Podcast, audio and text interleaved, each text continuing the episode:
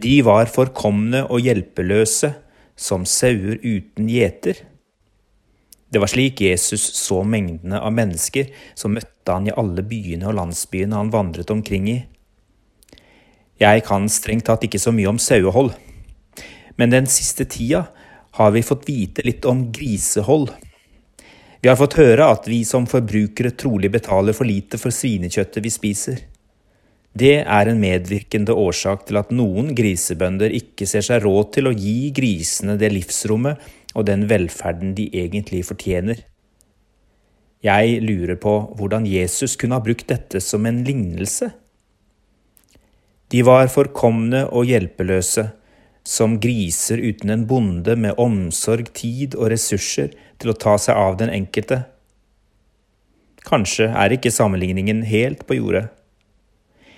Jesus hadde ikke bare omsorg for den enkelte.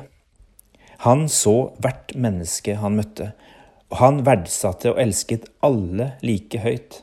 All sin tid brukte han på å forkynne og helbrede. Men behovet var uoverkommelig, selv for Jesus. Som menneske var også han begrenset av tid og rom. Derfor forbereder Jesus disiplene på å være kirke. Kristen betyr ordrett å være som en liten Kristus i verden.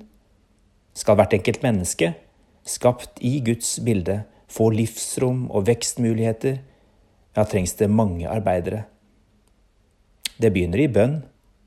Høstens Herre, reis opp og send ut flere arbeidere som har tid og rom til å se og bry seg om den enkelte i mengden. Kanskje er svaret nærmere enn du tror.